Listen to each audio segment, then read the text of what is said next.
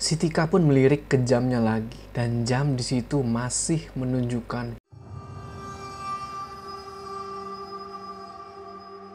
Assalamualaikum teman-teman, balik lagi sama gua Jo. Semoga kalian semua yang menonton video ini diberikan kesehatan, dilancarkan rizkinya, dan dimudahkan segala urusan-urusannya. Jadi pas gua ke Lau kemarin banyak dari kalian yang nanyain kayak Bang ada cerita horor nggak bang? Ada yang mistis-mistis nggak segala macem? Jawabannya adalah ada. Sebelum kita mulai seperti biasa jangan lupa kalian like video ini dan bagi yang belum subscribe subscribe channel ini sekarang supaya kalian nggak ketinggalan cerita horor pendakian selanjutnya. Oh ya butuh waktu ya buat gua nyeritain pengalaman yang di Lau ini soalnya kan si Tika tuh yang paling sensitif sama hal gituan kan. Nah si Tika ini sebenarnya dia tuh ragu mau ceritain. Jadi gue mesti bujuk-bujuk dia dulu buat nyeritain kan. dan akhirnya dia mau dan baru sekarang lah gue bisa bikin videonya. Udah ya, let's go. Oke teman-teman, mungkin sebagian dari kalian udah pada tahu ya kalau tanggal 7 kemarin itu 7 November. Sekitar hari Kamis itu gue pergi ke laut bertiga sama si Tika sama si Ukui. Dan mungkin sebagian dari kalian juga belum ada yang tahu makanya gue ceritain dulu awalnya jadi awalnya gue mau ke Lawu ini sebenarnya itu akhir bulan Terus karena si si Uko ini berhalangan dia nggak bisa ya dia nanya ke gue kan mau dimajuin apa dimundurin lagi? Ya gue bilang majuin aja. Ya udah jadinya tanggal 7 kemarin. Singkat cerita gua Tika sama si Ukoy kita misah. Jadi si Ukoy dari tempat kerjanya di Tangerang dan gua sama Tika dari Tanjung Priok ini beda bus ya. Kita janjian buat ketemu di Terminal Karangpandan, Solo. Singkat cerita, sampai kan gua tuh di Terminal Karangpandan. Pas di Terminal Karangpandan itu sepi. Maklum lah jam, kalau nggak jam setengah enam pagi tuh. Nah, gua sama si Tika sarapan dulu. Si Ukoi belum nyampe nih. Dia kalau nggak salah turun di terminal mana gitu. Gua lupa. Ya udahlah, kita nungguin si Ukoi dulu kan. Nah, si Ukoi baru datang sekitar jam tujuan. Setelah si Ukoi datang, kita bertiga jalanlah tuh ke pasar Kemuning kan buat beli logistik. Setelah sampai di pasar Kemuning, nggak taunya pasarnya itu direnovasi. Nah jadinya gue bingung nih mau beli logistik di mana. Tapi untungnya ada uh,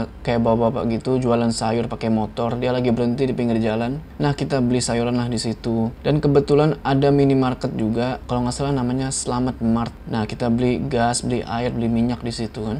Selesai belanja logistik, kita pun beli, uh, bukan beli, nyari ojek buat ke base camp dapat ojeknya ojek ini kalau nggak salah 25 ribu ya per orang sampai base camp Ceto itu sekitar jam 9an ketika sampai itu kita nggak langsung naik kita leha-leha dulu lah istirahat kan. Mandi apa segala macem. Baru jam sekitar jam 10 atau setengah sebelasan kita ke administrasi kan ngurusi maksi. Nah baru di situ kita mulai pendakian.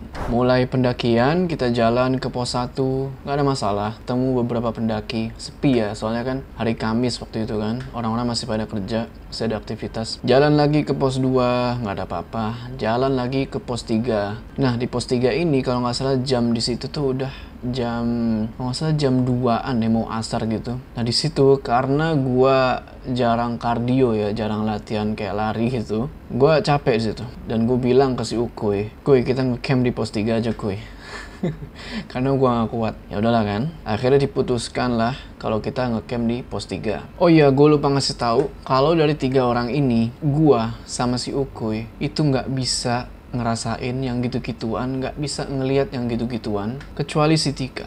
Hanya si Tika yang peka sama hal-hal seperti itu. Malam pun tiba kan. Waktu itu cuman ada dua tenda. Tenda gua sama ada tenda satu lagi depan tenda gua itu kayak rombongan besar gitu. Nah dia pakai dua tenda. Nah malamnya itu si Tika itu ngerasa kalau ada yang memperhatikan dari arah depan tenda kita. Waktu kejadian itu gua sama si Uku itu lagi ngambil air tuh di bawah kan. Ngambil air tuh lumayan lah kira-kira 10 menit lah bolak-balik kan. Jadi si Tika sendirian tuh di tenda itu. Nah setelah gua mau Ukui balik ke tenda, si Ukui lihat si Tika ini lagi nyenter-nyenter ke arah hutan. Si Ukui nanya kan, kenapa Tik? Di situ si Tika cuma diem aja, cuma cuma kayak geleng-geleng. Terus gua kayak kepo gitu gimana ada apa ada apa ada apa terus si Tika tetap aja dia kayak nggak ada apa-apa kok nggak ada apa-apa. Tapi gue tahu kalau di situ udah apa-apa karena gue paling tahu gerak geriknya si Tika kalau ada sesuatu kayak gitu. Makanya gue bilang ya udah nanti cerita ya. Ya udahlah kan abis percakapan itu kita pun tidur. Nah kalau nggak salah kira-kira jam 2 malam itu waktu itu gue masih tidur ya si Uko itu keluar dia mau kencing. Terus si Tika nanya bang lu mau ke mana? Suku bilang gue mau kencing tik. Ya udah kan? Nah kan si Tika di situ kan baru bangun juga tuh. Nah ketika si, dia ketika si Uko itu buka uh, resleting tenda terus dia tuh ngeliat keluar dia lihat di situ tuh ada kayak orang hitam ngeliatin ke arah tenda jam 2 malam. Coba masuk akal nggak? Orang biasa gitu ngeliatin depan kita, tenda kita nongkrong jam 2 malam. Bukan orang itu. Subuh pun tiba. Gua sama si Ukoi turun ke mata air itu buat ngambil air sekalian wudhu buat sholat subuh. Setelah ambil air itu gue balik kan ke tenda dan kita sholat di shelter. Si Tika sholat di tenda dia taimum karena dia nggak kuat dingin. Ya udahlah kan kita sarapan segala macem. Kita rencana awalnya tuh pengen berangkat jam berangkat ke puncak jam setengah tujuh tapi kita ya biasalah pendaki tersantuy di dunia. Jadi kita molor, molor. Kita baru jalan jam setengah sembilan. Berangkatlah kan kita tuh ke puncak jam setengah sembilan. Nah, tenda di sini itu kita tinggal. Kenapa? Supaya lebih ringan. Kita jalan tuh dari pos 3 ke pos 4. Jarak uh, dari pos 3 ke pos 4 tuh lumayan ya, lumayan jauh dan treknya terjal. Tapi di situ nggak ada apa-apa. Jalan lagi dari jam 4 eh Jalan lagi dari pos 4 ke pos 5 bulak peperangan, nggak ada apa-apa. Paling kita foto-foto sambil gue sedikit ngevlog. Jalan lagi dari pos 5 ke Gupakan Menjangan. Di situ udah mulai landai.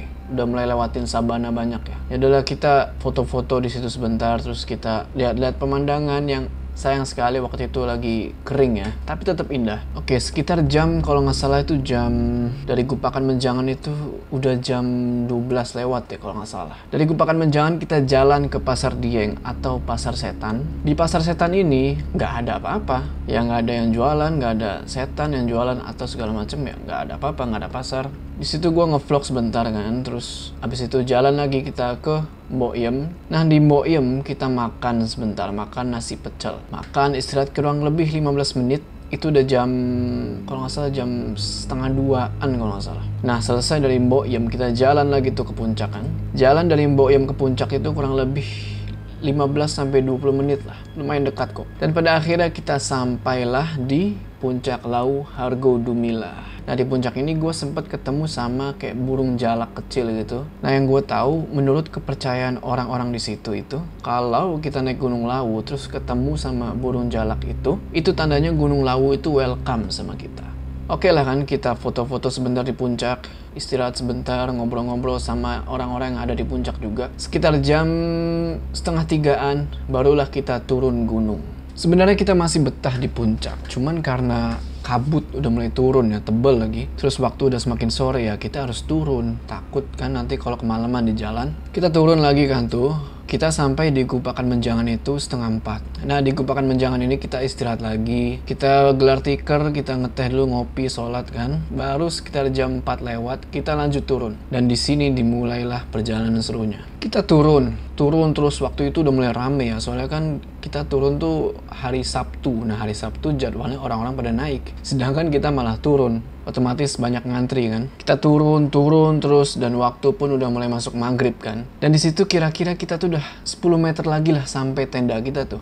Udah sampai pos 3. Di situ si Tika sempat bilang berhenti dulu azan maghrib, tapi bener-bener nanggung dan gua press di situ kita harus jalan terus karena emang nanggung banget. Ya udah sekalian aja di tenda gitu loh kan. Ya udah kita jalan terus kan. Nah kira-kira, aduh deket banget deket banget karena tenda gue udah kelihatan nih ini apa jalan, ini turunan. Nah, tenda kita tuh di sini. Tenda kita di sini. Di situ gua ketika menuruni turunan itu, gua kepleset. Dan ketika gua kepleset itu, gua refleks megang ranting, tapi dengan posisi bahu yang salah. Jadi bahu gua tuh begini. Yang cedera bahu kanan gue ya, gue nyontoin pakai bahu kiri. Jadi bahu tuh dia nggak boleh begini, dipaksain begini, itu bahu lu bakal geser. Nah, di situ ketika gue tahu bau gue geser, karena bau gue maju begini ya, bener-bener maju begini. Situ gue duduk sebentar kan, dek pas jatuh kepleset, duduk gue, wah geser bau gue nih. Pas gue pegang, wah bener. Duduk gue sambil istighfar, astagfirullah. Di situ, aduh tenda tuh udah di situ tuh. Nah, gue ke sini liat tenda. udah tanggung banget tapi mau gimana kan ya udahlah akhirnya gue dipapah sama si Tika kan si Ukui udah duluan sampai tenda sebelumnya gue bilang sama mereka itu kalau kita tuh harus turun dari pos 3 ke base camp itu Isya kira-kira jam tujuan supaya kita nggak kemalaman sampai base camp kan karena bus kita itu hari Minggu jam 7.20 pagi. Jadi nggak mungkin kalau kita bermalam lagi di situ kan. Ya udahlah gue dipapah sama Tika kan ke tenda. Si Uku udah nyampe duluan di tenda. Gue dipapah, dibawa masuk ke tenda. Nah di sini Masya Allah sakitnya parah, sakit banget. Jadi bahu nih gue gini nih gini. Buh, sakit.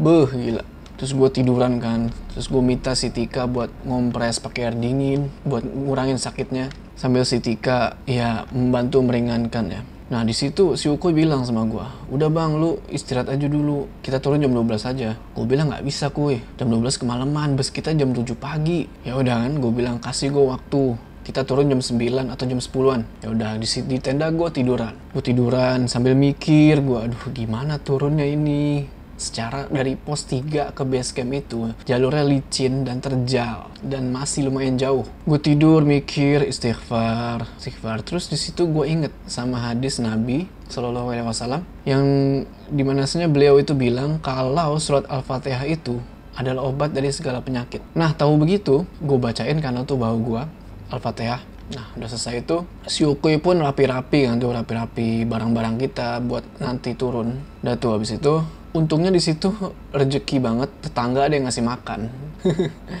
Jadi kita nggak perlu repot-repot masak lagi kita langsung makan aja. Nggak salah kasih soto mie nggak salah. Wah, soto apa tuh ya? Oke lah setelah jam 9 atau jam 10an tuh gue berusaha berdiri. Dan gue keluar tenda kan. Pas gue keluar tenda itu pelan-pelan gue keluar tenda tuh kayak ngesot-ngesot gitu kayak seret, seret sakit banget ini gerak dikit tuh sakit banget. Gue keluar tenda dan gue berdiri kan. Gue pakai sepatu dibantuin sama si Tika. Terus si Ukui beresin tenda sama flysheet gue coba goyang-goyangin tuh tangan gue gue gini-giniin gue gini-giniin. Nah alhamdulillah di situ bawa gue yang tadi begini tahu-tahu begini balik lagi ke tempatnya. Di situ gue aduh gue plong banget beneran ya gue alhamdulillah banget. Di situ karena udah kembali ke tempatnya jadi udah nggak terlalu sakit. Di situ gue wah ya Allah terima kasih. Karena bahu gue balik lagi gue bisa turun. Gue seneng banget di situ kan. Oke lah udah gitu udah pakai sepatu apa tenda udah masuk carrier kayak udah rapi semua udah siap turun. Si Ukui nyoba bawa dua carrier carrier gue sama carrier dia tuh. Gue bilang sama si Ukui udah kuy sini satu gue bawa. Carrier lu karena carrier dia lebih ringan kan. Carrier lu gue bawa. Dia bilang nggak apa-apa bang nggak apa-apa bawa gue udah balik. Oh ya udah. Ya udah kan gue bawa tuh carriernya. Dan kita pun turun dari pos 3. Nah di perjalanan turun ini jalan tuh bener-bener sepi. Kita kalau nggak salah cuma ketemu dua rombongan doang. Kejadian di jalan turun ini diceritain sama si Tika waktu kita sampai ke Jakarta ya bukan pas di trek. Jadi si Tika cerita kalau dari pos 3 ke pos 2 itu dia seperti mendengar ada suara anak kecil nangis. Gua sama si Ukoy nggak dengar apa-apaan. Jadi cuma dia yang dengar itu. Dan beberapa menit kemudian kita jalan, si Tika mendengar seperti ada suara perempuan minta tolong. Dia pun berhenti kan dan pura-pura ngiket tali sepatunya sambil dia nunggu gua sama si Ukui bahas tuh suara. Tapi gua sama si Ukui sama sekali nggak denger tuh suara. Si Tika bilang kalau suara perempuan itu terdengar jelas dua kali dari arah sebelah kanan. Gua sama si Ukui nggak denger apa-apa kecuali keheningan malam. Lanjut perjalanan. Salah satu kebiasaan gue saat turun dari gunung ini adalah gue nanya ke si Ukui, Kuy, sekarang jam berapa? Karena di pendakian kali ini gue lupa bawa jam tangan. Oke lah, gue nanyakan ke si Ukui itu, Kuy, jam berapa? Si Ukui bilang, jam 10 bang. Tika pun melirik juga ke jamnya dan benar masih jam 10 ya udahlah kan kita jalan terus sampai kita di suatu turunan yang lumayan curam si Tika bilang di situ kalau dia itu dikagetkan sama sosok tiga orang pendaki tanpa headlamp atau penerangan lain. Mereka ini berbaris ke samping, berdiri di hadapan Tika kurang lebih 5 meter jaraknya. Mereka itu hanya diam mematung dan mereka itu tidak membawa perlengkapan gunung apa pun. Salah satu dari mereka itu kepalanya seperti kepala rusa yang bertanduk. Sontak posisi gua yang di tengah saat itu, gue nanya ke dia kan, kamu kenapa? Tika bilang, gak apa-apa kok, kalau capek bilang kita berhenti dulu. Gue bilang kan, gak apa-apa kok masih kuat. Ukui bilang, aman Tik, minum dulu nih. Gue yang masih penasaran di situ nanya lagi ke Tika, ada apa? Tika bilang, enggak, cuman capek aja. sambil nunduk. Habis itu gue nanya lagi ke si Ukui. Kuy, jam berapa? Ukui bilang, jam setengah sebelas bang. Cepet lah ini, jam 12 kita sampai base camp. Si Tika di situ melihat ke arah jamnya. Dan jamnya itu masih menunjukkan pukul 10. Si Tika di situ berusaha positive thinking kan. Mungkin jamnya tuh mati. Mudah-mudahan. Namun si Tika tiba-tiba itu terasa lemas, kakinya gemeteran, kepalanya pusing, punggungnya terasa berat, dan dia di situ merasa mual. Ini adalah tanda-tanda kalau dia ingin dirasuki. Di situ dia ingat dengan kata-kata ayahnya, kalau jin dan setan tidak akan merasuki orang yang jiwanya atau hatinya tenang. Gimana caranya jadi seperti itu? Jangan berhenti berzikir. Tika pun langsung berzikir dengan menggunakan gelang yang seperti tasbih yang sering ia kenakan. Nah, gue ngelihat si Tika udah mulai megang tasbih, udah mulai zikir kayak gini, pasti ada yang gak beres nih. Perjalanan dilanjutkan dengan si Tika yang gak henti-hentinya zikir. Si Ukui nyetel musik dari HP-nya dengan suara yang sangat kecil, karena sebelumnya udah gue ingetin ya, kalau jangan nyetel kenceng-kenceng, soalnya udah malam. Sambil gue sesekali ngobrol sama si Ukui untuk mencairkan suasana, gue nanya lagi ke si Ukui. Kui, jam berapa sekarang? Ukui bilang, jam 11 bang. Si Tika pun melirik ke jamnya lagi. Dan jam di situ masih menunjukkan pukul 10 tepat. Tapi si Tika masih positive thinking. Kalau jamnya itu mati. Sampailah kita di pos 2 dan kita pun istirahat. Setelah istirahat kita lanjut jalan. Di perjalanan kita ketemu sama satu rombongan yang naik. Mungkin rombongan itu sekitar empat orangan lah. Tika di situ takut kalau-kalau rombongan itu bukan manusia lagi. Tapi gua sama si Ukui melihat jelas kok kalau rombongan itu adalah orang. Dan si Ukui juga sempat ngobrol sama salah satu dari mereka. Jam 12 malam, sampailah kita di pos Simaksi. Tika di situ berusaha melepaskan jam tangannya yang mati, tapi di situ dia sontak terkejut. Pas dilihat ke arah jarum jam tangannya itu, waktu menunjukkan pukul 12.00. Langsung kan dia tanya ke si Ukui itu, Bang, jam berapa sekarang? Si Ukui bilang, jam 12 tik. Bener kan kata gua, kita sampai sini jam 12 pas. Bukannya tadi di track itu, jamnya si Tika itu jam 10. Terus kenapa tahu-tahu bisa jam 12? Berarti jamnya si Tika itu nggak mati. Wallahu a'lam lah. Sampailah kita di base camp Ceto kan yang pertama kali kita leha-leha itu. Itu jam 12 lewat berapa gue lupa terus kita beres-beres barang, terus kita pun tidur. Pagi harinya kita berangkat ke Terminal Karangpandan dengan ojek yang kita sewa kemarin. Dan kita berangkat dari Terminal Karangpandan ke Jakarta dengan bus Sinar Jaya jam 7.20 tepat. Eits, cerita belum selesai sampai di sini. Di Jakarta, selang berapa lama setelah pendakian, gua sama si Tika ketemu dan kita ngobrolin lagi kan tuh tentang pendakian di Lau sampai kita ngobrolin tentang pasar Dieng atau pasar setan. Ingat di pasar setan itu ada trek yang dibatesin sama pita kuning do not enter. Di situ apa yang gua lihat itu berbeda sama apa yang Tika lihat. Di situ, yang gua lihat saat itu adalah apa yang kalian lihat di video. Tapi yang Tika lihat saat itu adalah jurang. Jurang di sini bukan kayak jurang yang langsung curam gitu kan, banyak kan jurang gini ya. Set langsung curam gitu, tapi dia kayak kayak turunan gitu kayak seret. Nah, dan di situ dia lihat banyak sosok kayak pendaki-pendaki yang sepertinya itu tersesat atau hilang di pasar Dieng itu. Mungkin, mungkin banyak pendaki yang tersesat di sini karena dia ngikutin trek yang dibatesin sama pita kuning itu. Allahu a'lam lah. Oke teman-teman, gimana tuh tadi ceritanya? Tulis pendapat kalian di komentar ya. Gua tahu mungkin cerita kita bertiga ini nggak terlalu serem ya, tapi gua harap kalian bisa ngambil pelajaran dari cerita ini. Setiap gue cerita pasti ada beberapa komentar yang bilang kalau ini halu lah atau cerita ini bohongan lah segala macem. Ya itu sepenuhnya keputusan kalian mau percaya atau enggak. Gue di sini cuma menceritakan. Dan gue tidak bisa memaksa kalian untuk percaya. Eh lu percaya sama cerita gue nih ini beneran nih asli itu. Nggak bisa. Itu sepenuhnya keputusan kalian. Jadi mau percaya atau enggak ya percaya syukur. Nggak percaya ya udah. Jangan lupa like video ini dan bagi yang belum subscribe subscribe channel ini sekarang supaya kalian gak ketinggalan cerita horor pendakian selanjutnya. Gua Joe, sampai ketemu di cerita selanjutnya.